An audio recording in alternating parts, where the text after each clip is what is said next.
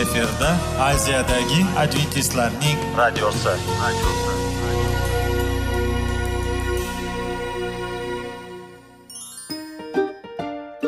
assalomu alaykum radio tinglovchimiz dasturimizga xush kelibsiz va bizni tinglayotganingizga sizdan judayam minnatdormiz bugungi bizning dasturimizning nomi sog'liq daqiqasi deb ataladi va biz sizlarga bu dasturda mevalarning foydasi haqida so'zlab bermoqchimiz ya'ni uning tarkibi uning tarixini va foydali xususiyatlari haqida.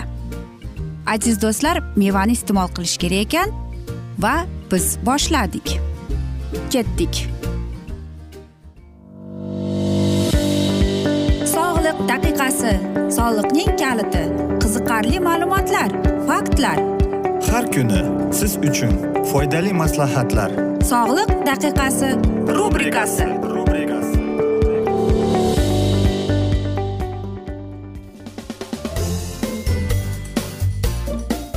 assalomu alaykum aziz radio tinglovchilar. Dasturimizga xush kelibsiz va biz sizlar bilan tana va sog'liq degan dasturni o'qib eshittirishni boshlagan edik va bugungi bizning dasturimizning mavzusi kontakt linza deb nomlanadi. Albatta hammamizning ham ko'zimiz yaxshi ko'rmay qolganda ochki taqishga o'ylanib o'ylaymiz. Ochkimi yo kontakt linza taqsamikin deb. Shuning uchun ham bugungi dasturimizning mavzusi shunday kontakt linza chunki ko'plab ha balki yoki qarshilikka bo'lgan narsalarni. Biz sizlarga mana shu borada yordam berishga harakat qilib ko'ramiz. Agar siz e, kontakt linza taqsangiz bu ko'zingizga ziyon yetmaydimi deb mana shu savolingizga bugun javob berishga harakat qilib ko'ramiz. Albatta kontakt linzasi bu eng yaxshi usuldir chunki u umuman ta'sir qilmaydi ham. Ammo lekin bizning ko'z ko'rishimizni judayam yaxshilaydi. Va kontakt linzalarni taqqan odamlar e, o'ylaydiki bilinmaydi hamlik deb. Lekin bilamizki hozirgi yigirma birinchi asrda bu kontakt linzalarning rangligi bor. Ya'ni qanday xohlasangiz shunday bor. Buni e, rangli linzalarni o'zi aslida kosmeticheskiy deyiladi yoki ajoyib deyiladi va ular faqatgina ko'zning go'zalligini berib turadi. Lekin bunday aytaylik linzalar qolgan ya'ni tibbiy linzaga qandaydir desam ekan. Bular bir biri bilan pog'ona o'ynashadi desak ham bo'ladi. Shuning uchun ham men o'ylaymanki ko'p ochki taqqanlarning ular e, ko'proq ochkiga berishadi. Chunki qanchalik biz harakat qilmaylik lekin ko'pchiligimiz afsuski linza taqishni ham bilmaymiz. Lekin shaxsan mening uchun men linza taqmayman. Menga ko'proq ochki ko'nglimga xush keladi. Va undan tashqari men o'ylaymanki men linza taqsam ko'zimning e, mana shunday aytaylik nozik joylariga qo'llarim bilan e, aytaylik infeksiya kirgizib qo'yamanmi deb yoki bilib bilmay unga ko'zimni e, noto'g'ri qilib bir narsa bilan tegib ketamanmi? Chunki baribir bu linza linza biz qanchalik unga aytaylik parvarish qilmaylik qanchalik biz qo'limizni yaxshi surtib artganimiz bilan lekin hammamiz ham bilamizki mikroblar viruslar umuman ketmaydi biz qancha yuvsak sakson foizi ketishi mumkin lekin yigirma foizi qolib ketaveradi shuning uchun ham hech qachon bir ikkita maslahatimiz bor siz taqqan linzani boshqa insonlarga bermang va kechasi siz linzalarni yechib yotishni odat qiling chunki boshqalarga bergan linzalar baribir ular boshqa insonning ko'ziga zarar yetkazishi mumkin. Yoki masalan u qishqoq bo'lib qolganda albatta siz aytaylik linza almashtirdingiz va agar shunday bo'lib kelgan bo'lsa unda siz oftalmologga borishingiz mumkin. Va har doim ham mana shu kontakt linzalarning muddatini qarab chiqing va qarangki mana shularning uning ataylab topilgan mana shu suyuqligi yo'qolib yoki tugab qolmasin ekan. Har safar kiyib yechganingizni uni dezinfeksiya qilib tozalab qo'ying. Albatta ko'plab e, kontakt linzalarni taqishdan oldin judayam ko'p qiyinchiliklarni olib keladi. Lekin bu haqida biz birozgina batafsil gaplashamiz. Va birinchi o'rinda bizdagi bo'lgan yara paydo bo'lib qolishi mumkin. Nima uchun? Chunki biz ko'zlarimiz biz linzani taqa olmaymiz. Shuning uchun ham e, biz yumshoq linzani uchratamiz. Qanday qilib bilsak bo'ladi bu linza bizning ko'zimizga zarar yetkazmayaptimi deb? Agar ko'zingiz qichishsa yoki aytaylik unda judayam yopishqoq suyuqlik chiqsa nima qilish kerak deymiz? Albatta biz qarashimiz kerak. Balki mana shu ulang suyuqligiga bizning ko'zimizga allergiyamiz bordir. Va eng achinarlisi shuki biz ko'zimizning olmasini zarar qilib qo'yamiz yoki unga bir infeksiya kirgizib qo'yamiz. Hech qachon ham ko'zingizni artmang. Agar sizda ko'zingizda linza bo'lsa agar ko'zingizga biror narsa siz sezayotgan bo'lsangiz ko'zingizda boshqa bir ortiqcha narsa borligi uchun unda ko'zingizni artmang. Yaxshisi uni kontakt linzani yechib turib kontakt linzani to'liq suvda yuvishga harakat qilib ko'ring va bilasizmi ba'zilarda insonlar bilib bilmay linza taqqanda ularning ko'z qorachig'i aytaylik ishib qoladi suyuq to'planib qoladi. Va mana shu asnoda bu demak ko'zingizga kislorod yetishmayapti. Shuning uchun ham siz linzani darrov yechib e, uni yuvishga harakat qilib ko'ring va eng oxirgi qiyin joyi bu albatta ko'zning olmasi bu biz bilamizki ko'plab linzalar biz taqqanimizda bakteriyalar infeksiyalarni olib kiramiz va mana shu holatda biz ko'zimizga bilib bilmay mana shunday kasallikni olib kirib qo'yamiz va ularning eng ko'rsatkich narsasi bu og'riq paydo bo'ladi va sizda xuddi shunday his paydo bo'ladiki xuddi sizning ko'zingizda boshqa bir narsa borgandek va yopishqoq suyuqlik chiqadi va ko'zingizning qizarishi. Nima qilish kerak agar sizlarda mana shunday qiyinchiliklar paydo bo'lgan bo'lsa? Albatta darrov kontakt linzani yechib albatta bu ba'zida og'riqni yengillashtiradi. Va keyingi bir sutka davomida ko'zingizga o'ta qattiq ishlov bermang. Ko'zingizga kompress qiling ko'zingizga massaj qiling. Va oxir oqibat aziz do'stlar eng asosiysi bu albatta oftalmologga uchrab qoling va biz sizlarga yorqin va qiyinchiliksiz hayotni tavsiya etamiz. Sog' bo'ling deb. Aziz do'stlar bugungi dasturni afsuski biz yakunlab qolamiz chunki bizning dasturimizga vaqt birozgina chetlatilgani sababli. Lekin keyingi dasturda albatta mana shu mavzularni yana o'qib eshittiramiz va sizlarda savollar paydo bo'lgan bo'lsa biz sizlarni salomat klub internet saytimizga taklif qilib qolamiz. Va biz umid qilamiz siz bizni tark etmaysiz chunki oldinda bundanda qiziq va foydali dasturlar kutib kelmoqda. Va albatta sizlarga sog'liq tilaganda yuzingizdan tabassum hech ham ayrimasin deb xayr sog' bo'ling deymiz.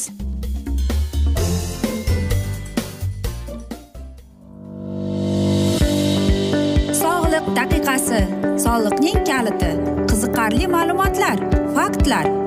Har kuni siz uchun foydali maslahatlar. Sog'liq daqiqasi rubrikasi.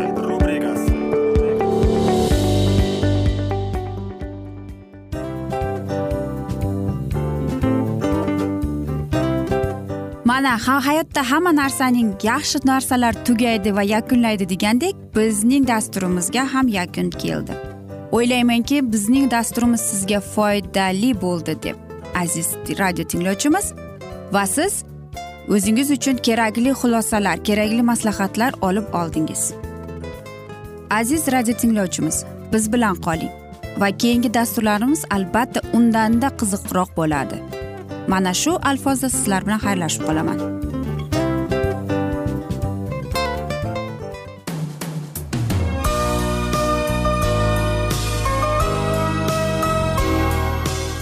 Efirda aziyadagi adventistlarning radiosi.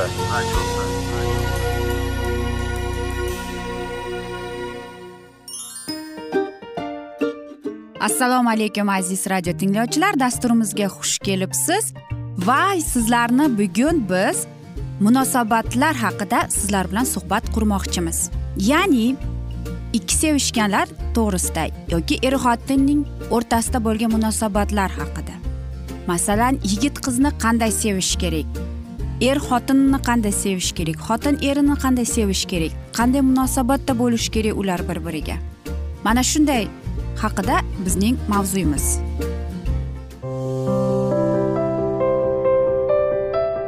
Har kuni har xil kasbdagi odamlar bilan sirlashish va bo'lishish sevgi rashq munosabat bularni hammasi izhori rubrikasida.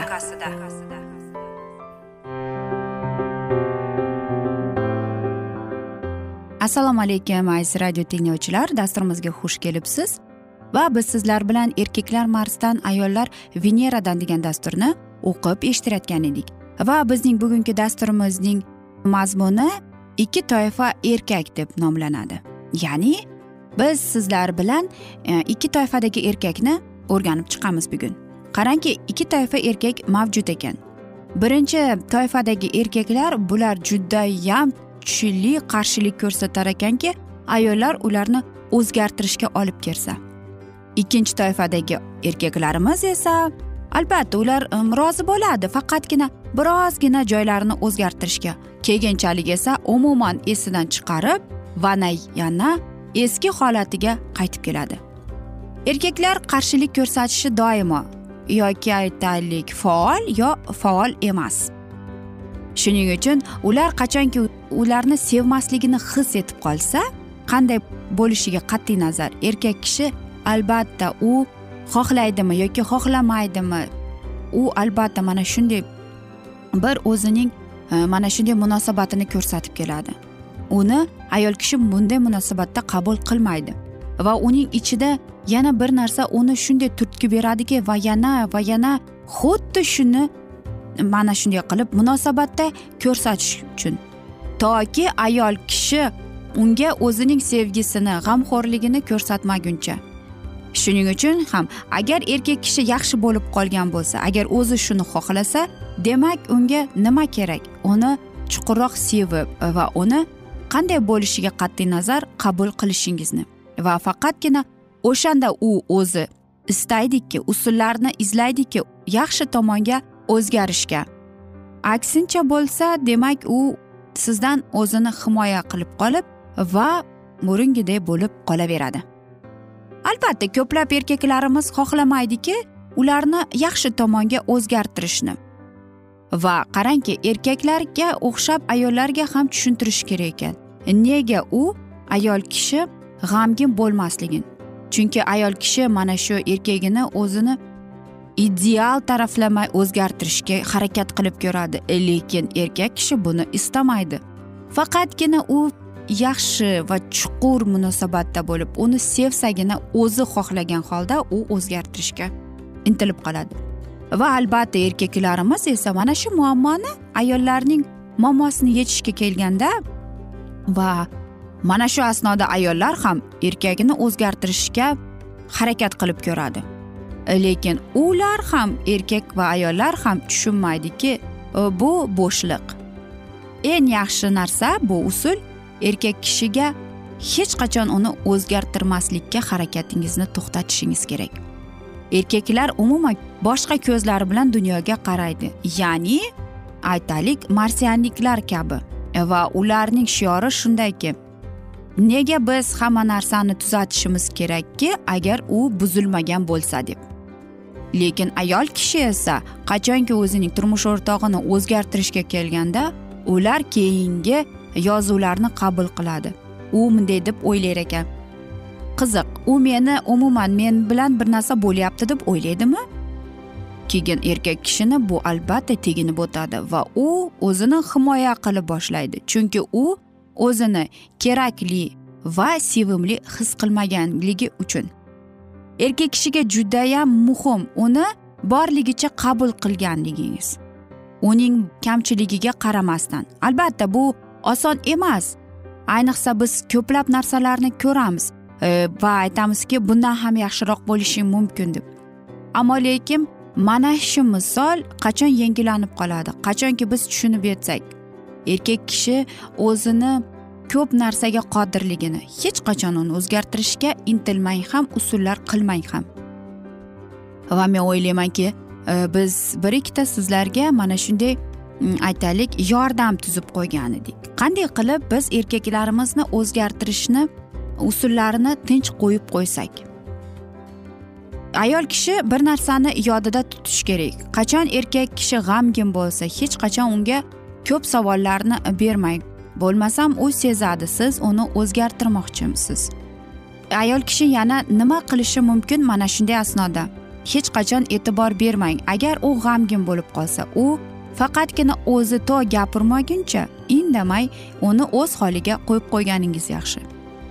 Hech mana shu narsalardan umuman rad etingki siz uni yaxshi tomonga o'zgartirishda.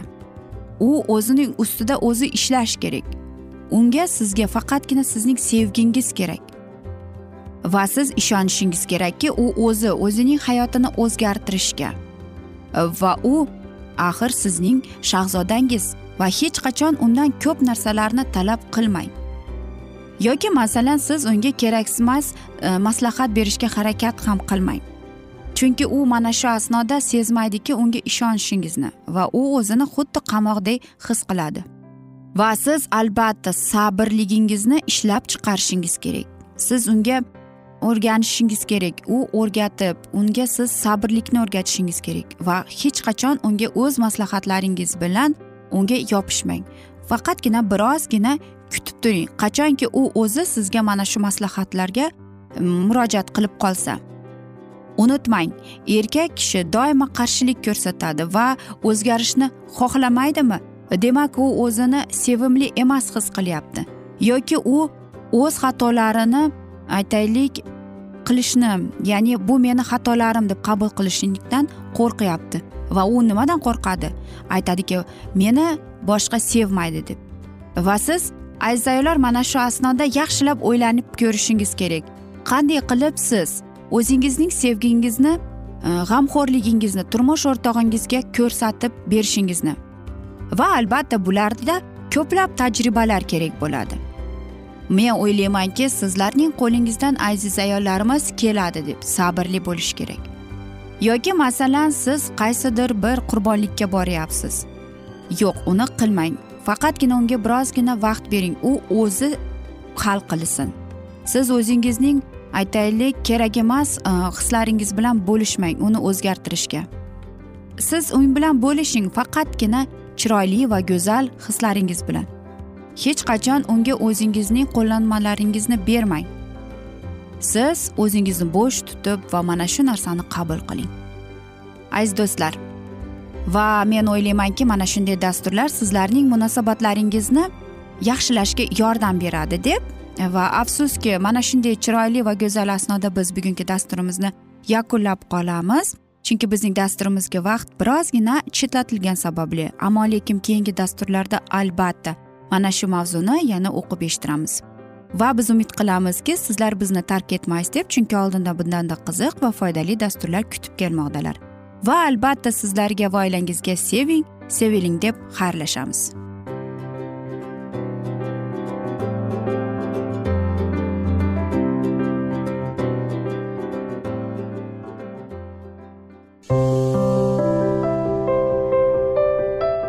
Har kuni har xil kasbdagi odamlar bilan sirlashish va bo'lishish sevgi rashq munosabat bularni hammasi dil izhori rubrikasida.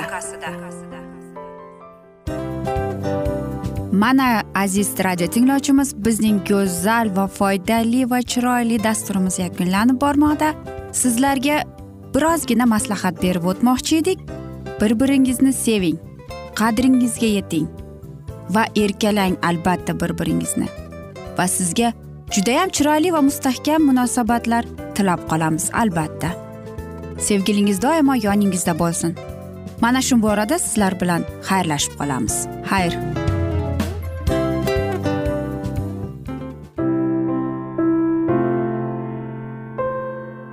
Hayotning noni. Qiziqtirgan savollar va javoblar. Buning hammasi ko'ngil uchun oziqa rubrikasida.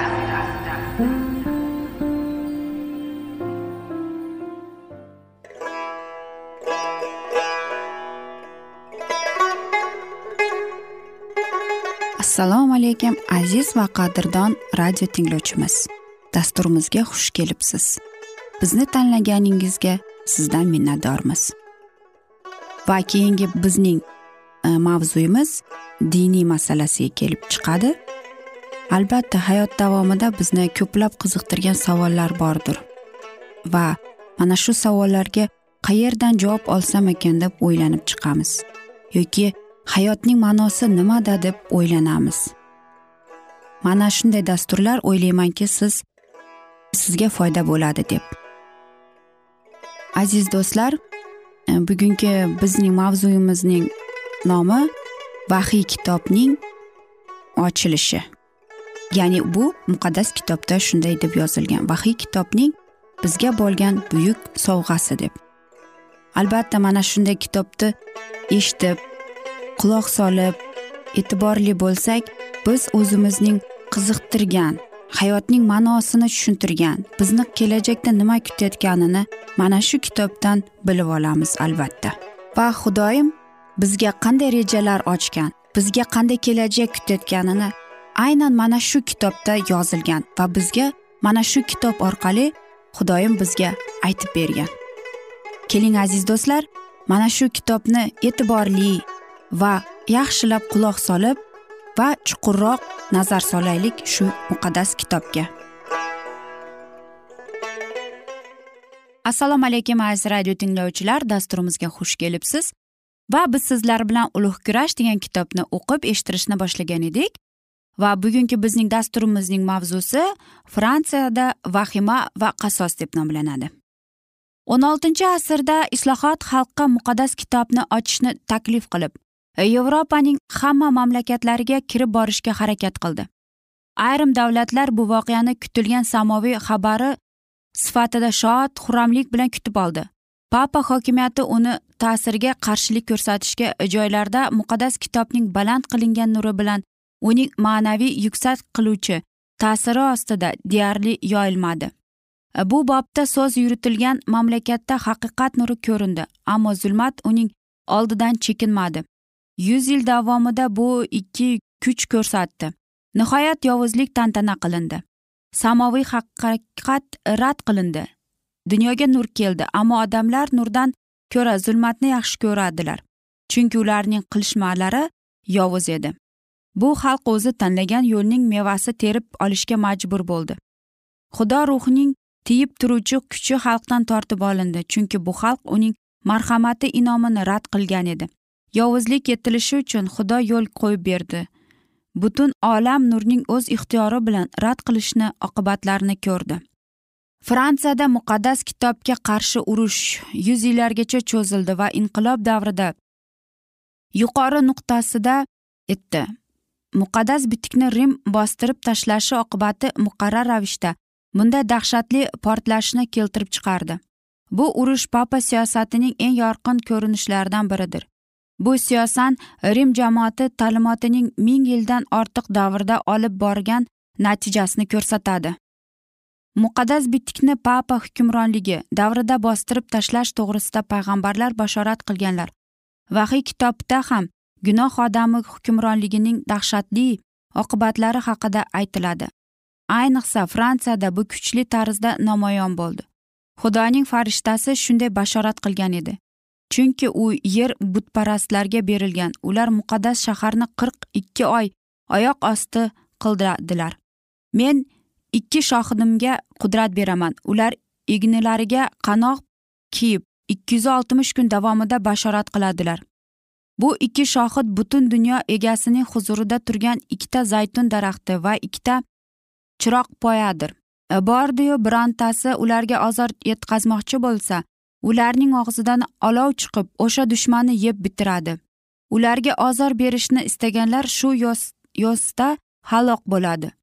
Bu ikki shohid bashorat qiladigan kunlarda yomg'ir yog'masligi uchun xudo ularga osmonni berkitish qudratini bergan. Ularga yana suvni qonga aylantirish va yer yuzini istagan vaqtlarda turli baloyi ofatlarga yo'liqtirish qudrati berildi. Ular shahodat berib bo'lganlaridan keyin tubsiz chuqurlikdan chiqqan bir maxluq ulardan ular bilan jang qiladi. Ularni yengib o'ldiradi. Ularning jasadlari buyuk shaharlarning ko'chasida yotadi. Shohidlarning rabbisi ham o'sha shaharda xochga mixlangan edi. O'sha shaharning ramziy nomi sadum va misrdir. Barcha xalqliqlar qabilalar elatu millatlardan bo'lgan odamlar uch yarim kun davomida ularning jasadlarini tomosha qiladilar. Ularni dafn etishga ruxsat berishmaydi. Yer yuzida yashayotganlar shohidlarning o'limidan sevinib xursandchilik qilishadi. Bir birlariga hadyalar yuborishadi chunki ikkala payg'ambar yer yuzida yashovchilarga ko'p azob bergan edi. Ammo uch yarim kundan keyin ikkala payg'ambarning vujudiga xudoning hayot nafasi kirdi.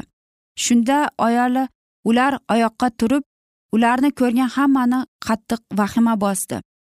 Vaqtning yuqoridagi parchalashi bu qirq ikki oy va bir ming ikki yuz oltmish kun. Bir davrni. Masihning jamoati rim zulmati ostida azob chekishga mahtum mahkum etilgan gavlantiradi. Bir ming ikki yuz oltmishinchi yillik papa hukmronligi besh yuz o'ttiz sakkizinchi yili boshlab bir ming yetti yuz to'qson sakkizinchi yili tugadi. E, shu yili fransuz armiyasi rimga kirib papani asir oldi. Papa quvg'inda vafot etdi. Garchi tez orada yangi papani saylagan bo'lsalar ham baribir o'shandan boshlab papa hukmronligi hech qachon oldingi hukmronligini va qudratini tiklay olmadi.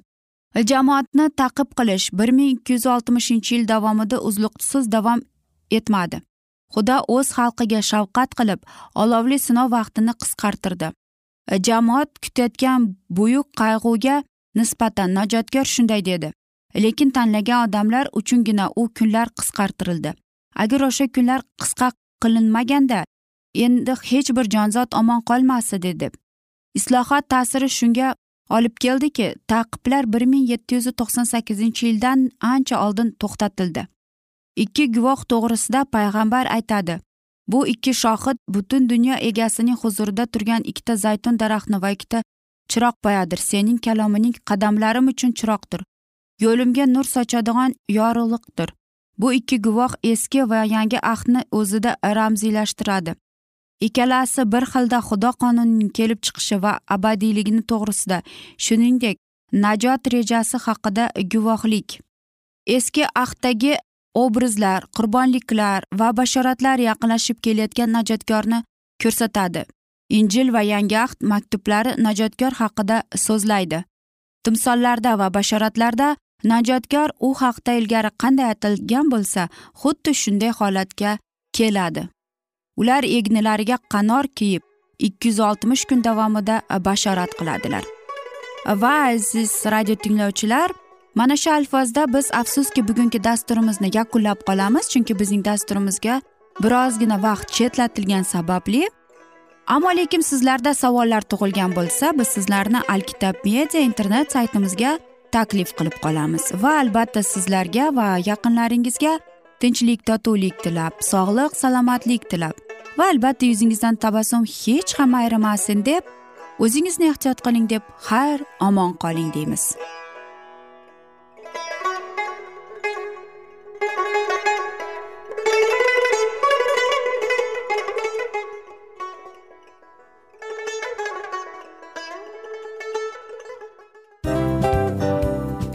Narsaning yakuni bo'ladi degandek afsuski bizning ham dasturlarimiz yakunlanib qolyapti.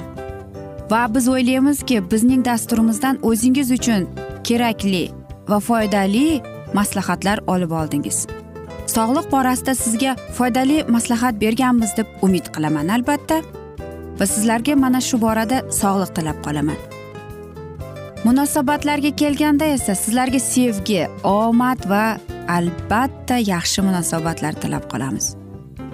Uchinchisiga kelganda esa bu juda chuqur va e'tiborli nazarni qumsaydi. Va sizlarga mana shu yaxshilik kayfiyatda sizni kayfiyatingizni ko'targan holda sizlar bilan xayrlashib qolaman afsuski. Ammo lekin keyingi dasturlarimiz undanda qiziq bo'ladi. Va siz biz bilan bo'ling. Bizni tanlaganingiz uchun sizlarga rahmat. Omad sizlarga. Xayr.